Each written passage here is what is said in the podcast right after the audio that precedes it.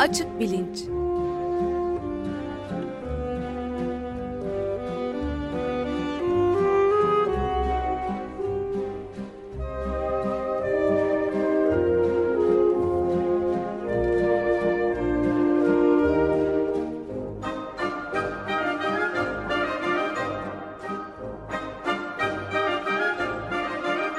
Güven Güzeldere ile bilim ve felsefe sohbetleri.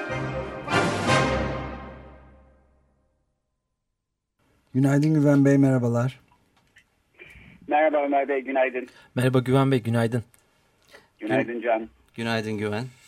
Evet, konuğumuz İlker Birbil. O, tanıtımını siz İlker. yapar mısın? Hoş geldin. Hoş geldin. Hoş, hoş bulduk. Tabii memnuniyetle İlker Birbil Sabancı Üniversitesi'nde öğretim üyesi. Kendisini daha önce Boğaziçi Üniversitesi'nde öğretim üyesi olan eşi Pınar Yolum'la birlikte açık bilinçte konuk etmiştik.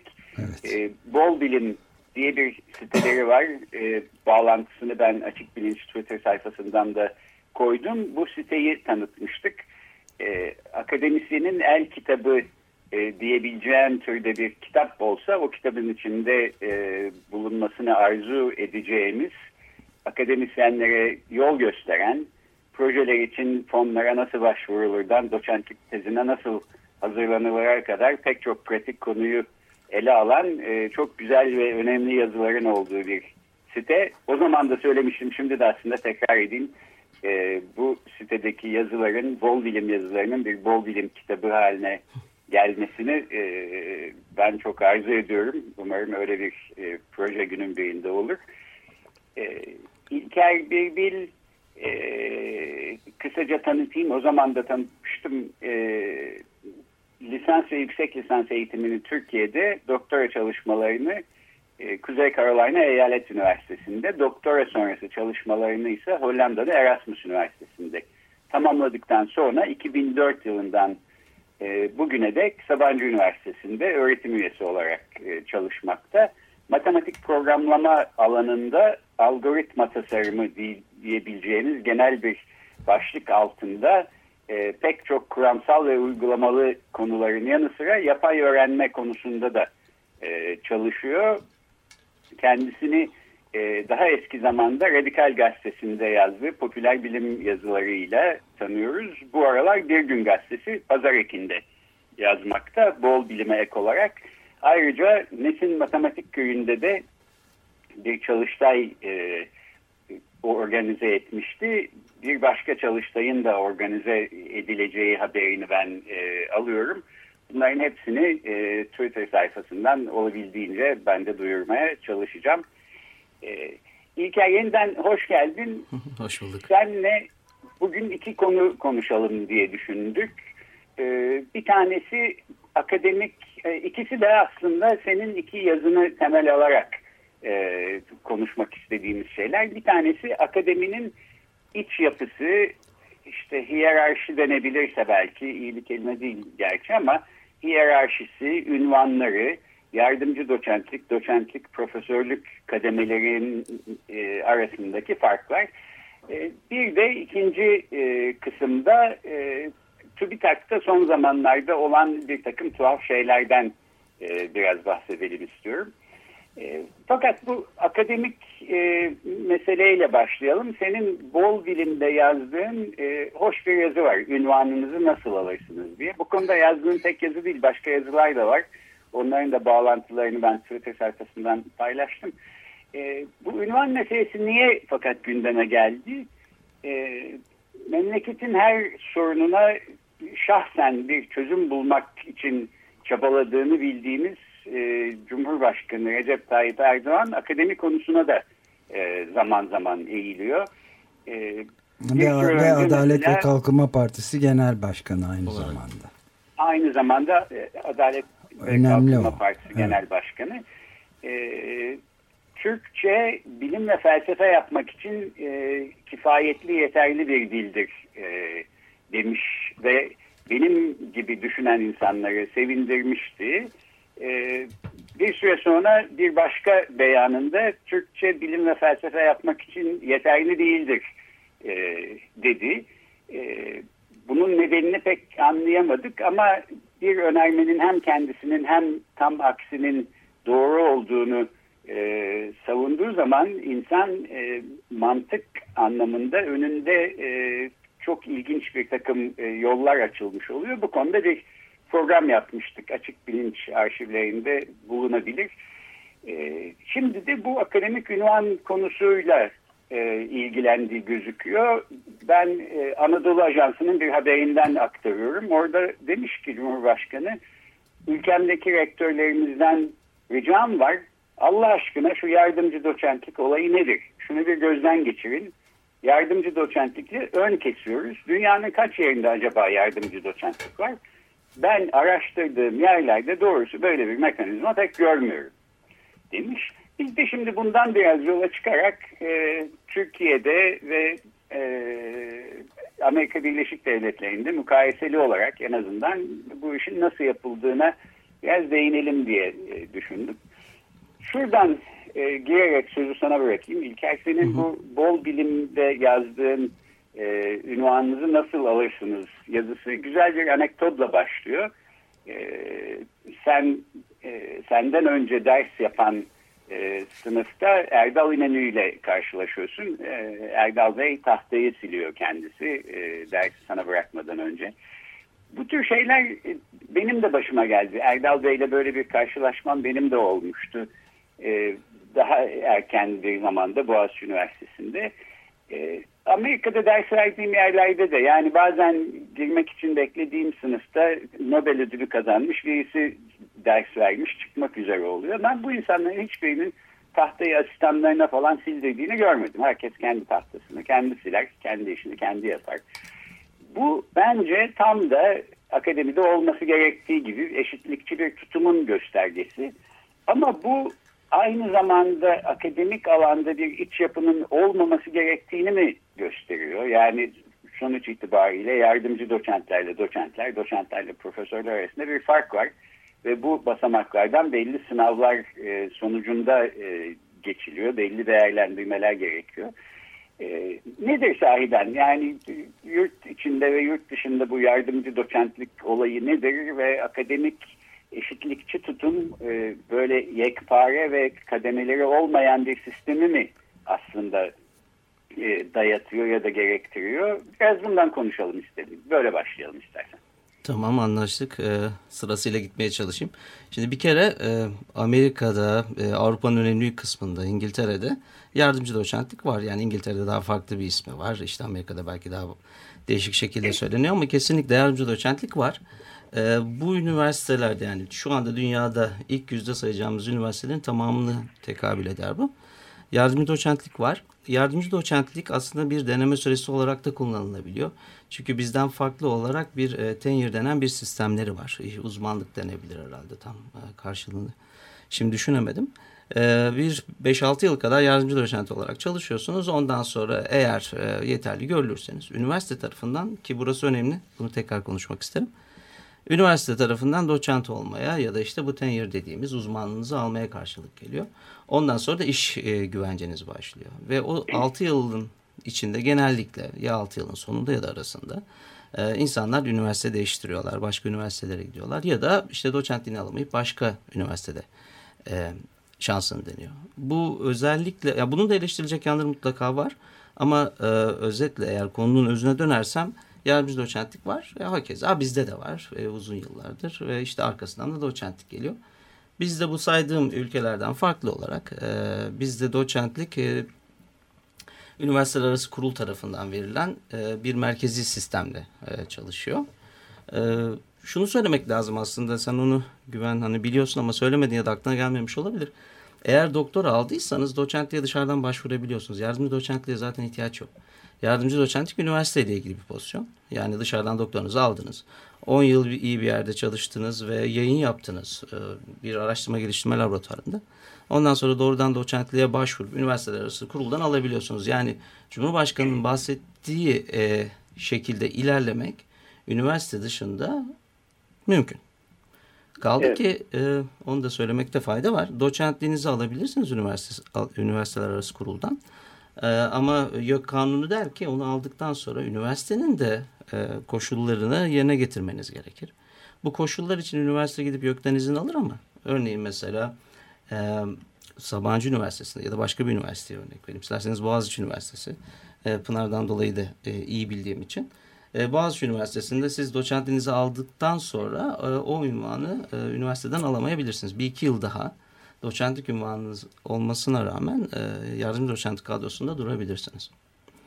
Şimdi bunlar oradan örnekler. E, hiyerarşiye gelirsek hiyerarşi e, var. Birçok üniversitede var Türkiye'de. E, yurt dışında da var. E, ol, olan yerler çok iyi biliyorum. Ama nedense doğuya doğru gittikçe hiyerarşi artıyor. Bu enteresan bir şeydir. E, yani e, benim şu anki arkadaşlarım değil ama onların hocaları işte böyle e, profesör sınıfa yardımcı doçentle giriyor. Yardımcı doçent tahtaya yazıyor, profesör konuşuyor falan gibi böyle korkunç hikayeler anlatıyorlar. E, o zamanın Çekoslovakyası, şimdinin Çek Cumhuriyeti. Yani onlar tabii ki değişti. Fakat hiyerarşi var. Özellikle hani bu tür konuşmalarda çok bahsedilmiyor ama tıp mesela bu konularda yani muazzam korkunç bir yerdir. Orada yani e, çok hani e, ciddi bir hiyerarşi var. E, işte bir profesör atıyorum hani sadece öğrencilerin yanında değil işte bir işte hastaneye gidersiniz örneğin işte ben ortopediden örnek vereyim ortopediye gidersiniz.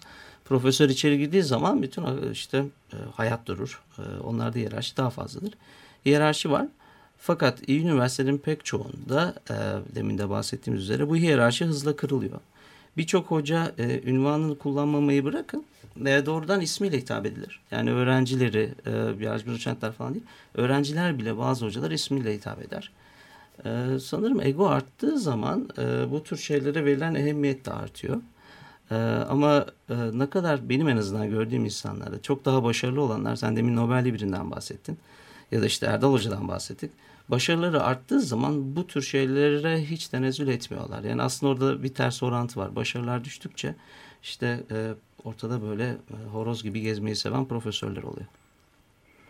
Evet peki e, doktora sonrasında üniversitede işe giren birisinin diyelim yardımcı doçent, doçent, profesör şeklinde kademelerle ilerlemesi e, belki iyi bir şey olabilir. Fakat bunun ne şekilde yapılacağı konusunun sen altını çizdin. Yani Amerika Birleşik Devletleri'nde her üniversite kendi içinde özel olarak e, hı hı. kendi kurulunu oluşturarak bir karar veriyor. Bunun aslında ne şekilde e, bağımsızlığı koruyan bir mekanizma olduğuna ben de e, az bir şey e, değinmek istiyorum. Fakat Türkiye'de böyle değil bir merkezi sistem ile bu iş oluyor.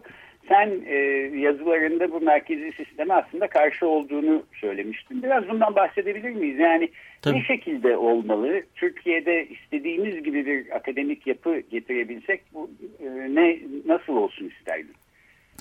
Bunu, bunu iyi ki gündeme getirdin. Evet epeydir söylüyorum. Ben yok kaldırılsın da diyorum durmadan. Bununla da ilgili sen de bir gün bana program sözüm var. Gene konuşuruz istersen.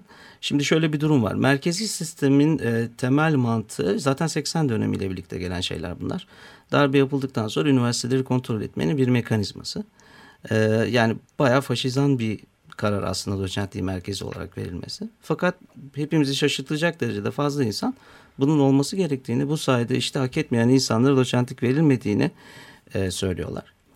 Bu birincisi. E, ikincisi de işte artık bu son bir sınavdır. E, bu sınavı da insanlar geçerek kendilerini işte profesörlere ispat ediyorlar diyor. Ama e, işin de kazın ayağı öyle değil. Şu açıdan e, eğer jüriye Şimdi ben jürilere de girdiğim için bahsedeyim size. Doçentlik jürilerine girdiğinizde çok iyi bir jüriye de denk gelebilirsiniz. Ama jüride birisi sırf sizin işte işte gözünüzün üzerinizde e, kaşınız var diye size öyle bir soru sorabilir ki ve kalabilirsiniz. E, çok başarılı olmanıza rağmen ya da çok e, iyi işler yapmış olmanıza rağmen. Merkezi sistemin getirdiği aslında daha da kötü olan şey büyük bir tembellik üniversitelerde. Üniversitelerin hiçbir sorumluluğu yok daha iyi olmak için. Ee, üniversitelere bu iş bırakılırsa e, X üniversitesini diyelim. Bu üniversiteye bırakıldı. Eğer üniversitesi o üniversite eşini, dostunu, akrabasını doçent yapmaya karar veriyorsa bunun e, yapabilir. Ama üniversitenin isminin hızla bozulması, bir erozyon, e, öğrenci bulamaması gibi mutlaka sonuçları olması gerekli. Dolayısıyla üniversiteler bırakıldığı zaman insanlar hep şeyden endişe ediyorlar. Hani bir üniversiteye bırakılırsa üniversiteler işte E, demin söylediğim gibi sadece tanıdıklarını doldururlar. E, işte liyakati olmayan insanlar doçent olurlar gibi. Fakat üniversiteler bunların sonuçlarıyla karşılaşmaya başlarlarsa bu olmayacaktır. Biz bunu hiçbir zaman tesis edemedik. E, dediğim gibi askerlerin getirdiği bir sistem ve o sistemdeki temel mantık e, oydu. Yani bütün e, çeşmenin başında durmak, e, istediklerine geç, istemediklerine geçme demek. Onun için doçentlik sınavının kaldırılması ve üniversitelere bırakılması gerekir. Ama bunu tek başına yapmaktan ziyade e, üniversitelerin e, özelliğinin e, mutlaka ve mutlaka öne çıkarılması ve üniversitelerinin üniversitelerin öğrenciler başta olmak üzere tabii ki toplum onların bir kamu kuruluşu olduğu unutulmadan e, denetimine açılması gerekir. Bu çok çok çok kritik bir nokta. Eğer bunları yaparsak biz e, yok işte bu doçentlik sınavıyla liyakatli insanları seçelim falan gibi şeylere geliriz. Ve zaman içerisinde bu tür bir e, otoriter e, yapı sizin istemediğiniz insanların eline de geçebilir. Onu hiç unutmamak lazım. Yani yok için de benzer şeyleri söyleyebilirim. Dolayısıyla e, bizim e, iyi bildiğimiz çok güvenilir bilim insanlarının jürileri kuruyor diye kuruluyor, e, kuruluyor ve o jürilerde çok iyi insanlar yer alıyor diye bu tür totaliter e, kurumları övemeyiz. Bu büyük yanlış. En azından bizim insanlarımız orada, bizim bildiğimiz, bizim tanıdıklarımız orada diyen bir sürü e, benim çevremde iyi bilinen bilim insanları gördüm. Maalesef değiştirmek çok güç. Ben, e, evet, ben arada, de buna... Pardon. E, iki küçük soru e, yani çok uzun konuşulur ama ben çok kısa cevap bekleyerek sordum. Bir tanesi bu özellikle üniversitede merkeziyet çilik arasında zaten mutlak bir bağdaşmazlık olduğu söylenebilir mi? Bir yani üniversite evrensel bilim ve düşünce özgürlüğüyle merkeziyet zaten uzlaşamaz diye düşünüyorum bir. Bu yani bir cümleyle belki bir cevap verebiliriz. İkincisi de bu son zamanlarda açıklanan bu kontenjanlarda doldurulamaması şeylerin acaba bu liyakat sisteminin giderek e, şey olmasından, çürümesinden dolayı mı böyle bir şey diye de akla geliyor. Ne diyoruz? Vallahi çok doğru diyorsunuz. Yani boşluk kalmasına bakarsanız hangi yani ne olursa olsun en çok e, töhmet altında bırakılan, e, zanlı gibi gösterilen, üzerine yüklenilen üniversitelerimiz hala en iyiler. E, çünkü bunlar e, bir şekilde bir direnç gösteriyorlar. Özelliklerini muhafaza etmek için çok uğraşıyorlar. Demek ki insanlar bunu görüyorlar. Demek ki bu üniversitenin bir duruşu var diyorlar. Eğer her şeye hediye sürekli bir e, hükümete veya devlete diyeyim. Hükümet olması gerekmez. Yanaşmış bir üniversiteyseniz yani özelliklerinizi hiçbir şekilde ispat edecek davranışta bulunmazsanız bu belli ki bir karşılık görüyor. Ve orada çok ciddi bir korelasyon var. Kendisini ispat etmiş üniversitelerimiz, iyi olan üniversitelerimiz ve iyileşmeye devam eden üniversitelerimizin tamamı bir şekilde bir özelliği muhafaza etmeye gayret ediyorlar. Seçtikleri öğretim görevlisi olabilir bu. Seçtikleri yüksek lisans öğrencileri olabilir.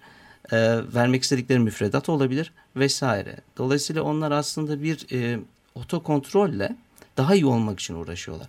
Biz bu daha iyi olmaları için gerekli enstrümanları yaratırsak zaten kalkıp böyle bir merkezi sistem kabul edilebilecek bir şey olmayacaktır o üniversiteler için. Evet. E, evet ben de aslında o zaman şunu ekleyeyim e, izninizle. Üniversitelerin e, kendi özel sistemlerine bırakılırsa e, herkes belki kendi bildiği, tanıdığı insanları doldurur. Doçentlik işinin dolayısıyla merkezi sistemden yapılması gerekir argümanına karşı Amerika Birleşik Devletleri'nde en azından bu işin nispeten iyi bir şekilde e, nasıl e, gerçekleştiğine bakmak da faydalı olabilir diye düşünüyorum. Bu doçentlik değerlendirmesinden kısa bir örnek vereyim. E, her e, bir sözlü sınav yok Amerika Birleşik Devletleri'ndeki üniversitelerde yardımcı doçentlikten doçentliğe geçişte. Fakat 6 senenin sonunda kapsamlı bir değerlendirme yapılıyor. Bu değerlendirme için e, önce adayın kendi bölümünde bir e, kurul e, oluşturuluyor. E, bu kurul e, dışarıdan e, değerlendirme mektubu yazacak e, insanları seçiyor. E, okullara göre değişiyor bu. Benim e, değerlendirmemin olduğu üniversitede 12 kişi istiyorlardı. Daha iddialı okullarda e, 20'ye kadar çıktığı oluyor. İşte 6'ya indiği oluyor falan. E, şimdi şunu diyebilirsiniz. E, peki ama bu 12 kişiyi de okul kendi kafasına göre işte mesela iyi mektup yazacağını ya da iyi değerlendirme yapacağını bildiği insanlardan seçebilir.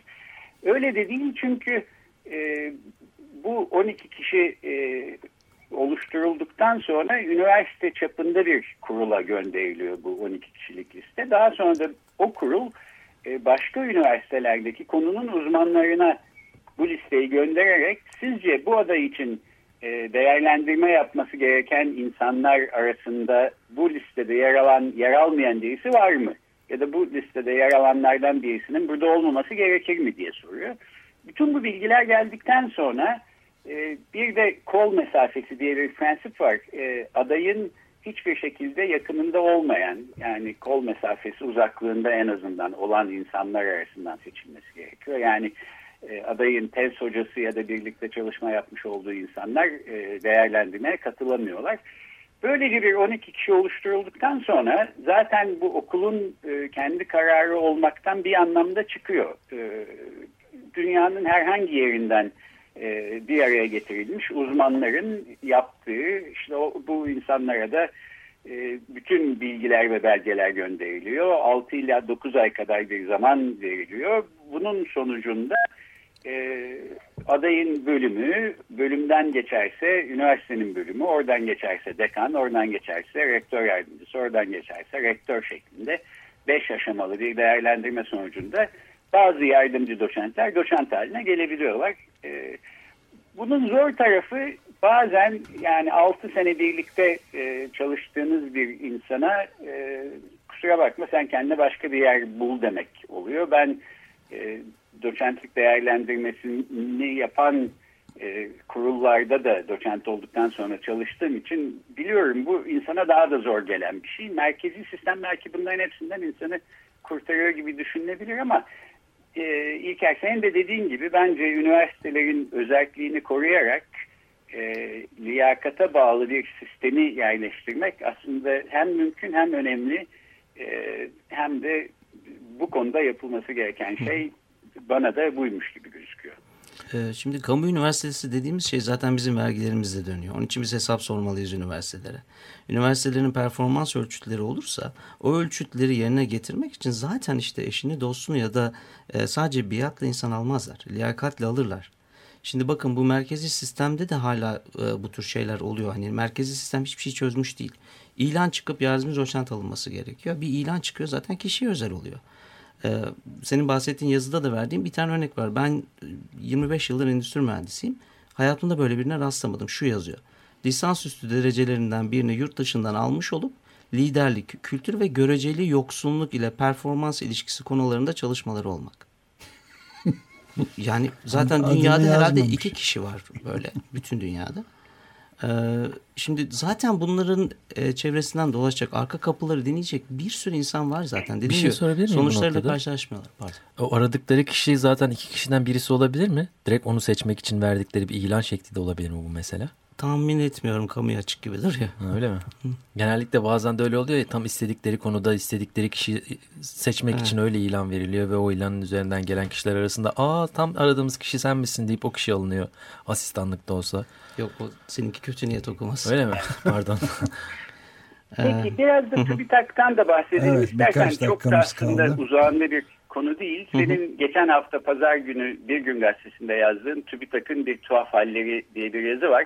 Başka yazılarda da aslında TÜBİTAK'ın hallerine değinmiştim. Fakat e, TÜBİTAK'ın son zamanlarda yapmakta olduğu bir uygulama var gibi gözüküyor. Çok sorunlu bir uygulama. Biraz hı hı. bundan bahseder misin? Tabii.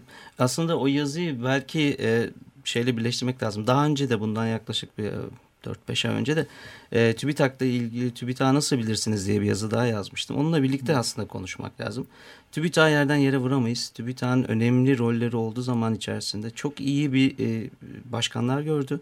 İyi şeyler yapmak için gayret edildi. E, bunların altını çizmek istiyorum. Çünkü o zamandan sonra ödüllerimizi geri verelim diye bana e-mail atanlar oldu. E, itiraz etmek isteyen bir sürü insan var. E, onlara da çok teşekkürler. E, çok destek gördüm. Hem e, üniversite camiasından hem kendi öğrencilerimden bütün dünyadan sağ olsunlar. E, TÜBİTAK bize gerekli. E, TÜBİTAK'ın yapacağı çok şeyler var. Fakat TÜBİTAK'ta hızla benim uzaktan görebildiğim çünkü hiçbir şekilde denetim açık değil. Bir liyakat kaybı var. Orada da aynı şekilde. Ve anladığım kadarıyla e, biatla yürümeye başladığı anda başka taraflardan kendilerine gelen, bunun tam neresi olduğunu da hiçbir zaman bilemiyoruz çünkü açık değil. Bir e, emir komuta zinciri gibi bir durumları var. Yani kendi içerisinde değil dışarıdan TÜBİTAK müdahale gibi. Şimdi o yazıda bahsettiğim gibi sadece benim başıma gelmedi bu. Bursiyerlerin başına geldi, başka akademisyenlerin başına geldi. Daha kötüsü başına gelen insanlar da oldu. Ama ben benim başıma gelen üzerinden anlatmak zorunda kaldım ki insanların e, e, isimlerini vermek durumunda kalmayayım ya da en azından onları herhangi bir şekilde töhmet altında bırakmayayım diye. E, bir projede yer alıyorum ben. Fransa ile ikili anlaşmamız var. Proje kabul edildi. Proje yürütücüsü arandı ve benim çıkarılmam istendi. Bu telefonla yapılıyor. Yazılı herhangi bir şey yok. Ve e, sorulduğu zaman da işte bu bir yönetim kararı gibi şeyler söyleniyor. Belki de TÜBİTAK'ın burada hiçbir rolü yok. Bu TÜBİTAK e, emredilmiş hadi demeyeyim en azından yazılı olarak rica edilmiş bir şey olabilir. Bu konularda açık davranmış olsalar da aslında başlarına daha az iş açacaklardı. Ama denebilir ki herhangi bir iş açtılar mı? Hayır. İşte biz en fazla e, sağda solda yazarak bir grup insandanın bu e, bu konularda bilgisi olsun. Yani mutlaka e, böyle bir şey var. Birbirimize destek olmalıyız diye bunlar yapılıyor. Bir tek ben ben yazdım ama bir sürü yerde konuşuluyordu aynı zamanda. Belki başkaları da yazmıştır pardon onlar bir tek ben yazdım diye demek istemedim. E, durum bu.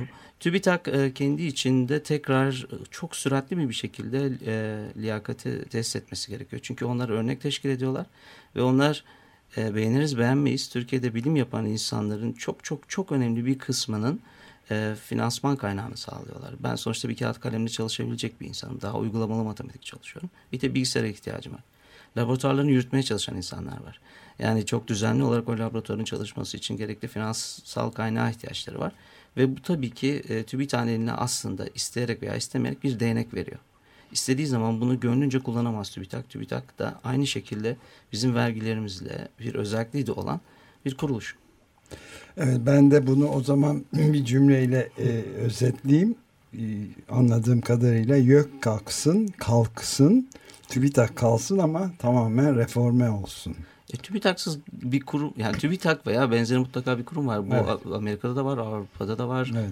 Öyle bir kuruma ihtiyacımız var mutlaka. mutlaka. Evet, YÖK'e yok ama. Hayır, şüphesiz. Belki başka sorun evet, yok. Peki. bir e, yok programı da yapalım diye sahiden konuşmuştuk. Yapalım. Senin e, birkaç ay önce yok insanın kendine yakışanı giymesidir e, başlıklı yine bir gün gazetesinde yazdığın yazıda e, bir önerin de var. Diyorsun ki Yıldız Tilbe'ye felsefe doktorası verilsin. E, daha sonra da yok üyeliği düşünülsün. E, bunu da herhalde bir başka programda ele alacağız. E, Nihat Hatipoğlu'na verdiklerine göre Yıldız Tilbe'nin de çok eksiği yok gibi geliyor bana. Ay şimdi bir sürü herhalde nefret e-mail alacağım. Evet peki bu, bu tabii uzun bir konu ama e, epey bir e, toparlamış olduk. Çok teşekkür ederiz. Bugün Allah ben teşekkür ederim. Teşekkür ederiz. Sabancı Üniversitesi'nden İlker bir bildi. E, ben kendisinin yazılarının bağlantılarını Twitter sayfasından paylaştım. E, gelecek hafta Londra'daki e, Dünya Alzheimer Kongresi'nden e, yeni dönmüş olan Profesör Doktor Hakan Gürvik'le Alzheimer hastalığındaki son gelişmelerden e, konuşacağız. E, ben bu programı İlker'in e, TÜBİTAK'ın bir tuhaf halleri yazısının son cümlesiyle, e, katıldığım cümlesiyle bitirmek istiyorum. Kahrolsun istibdat, yaşasın hür bilim e, diyor İlker. E, aynen öyle. Haftaya görüşmek üzere. Görüşmek üzere. Görüşmek üzere. Hoşçakalın. Teşekkürler.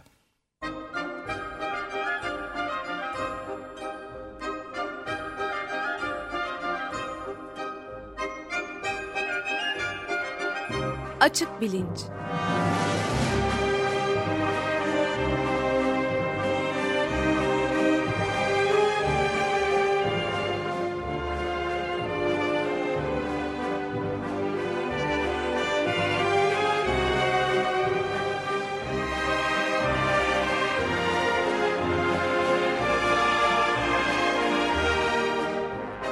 Güven Güzeldere ile bilim ve felsefe sohbetleri.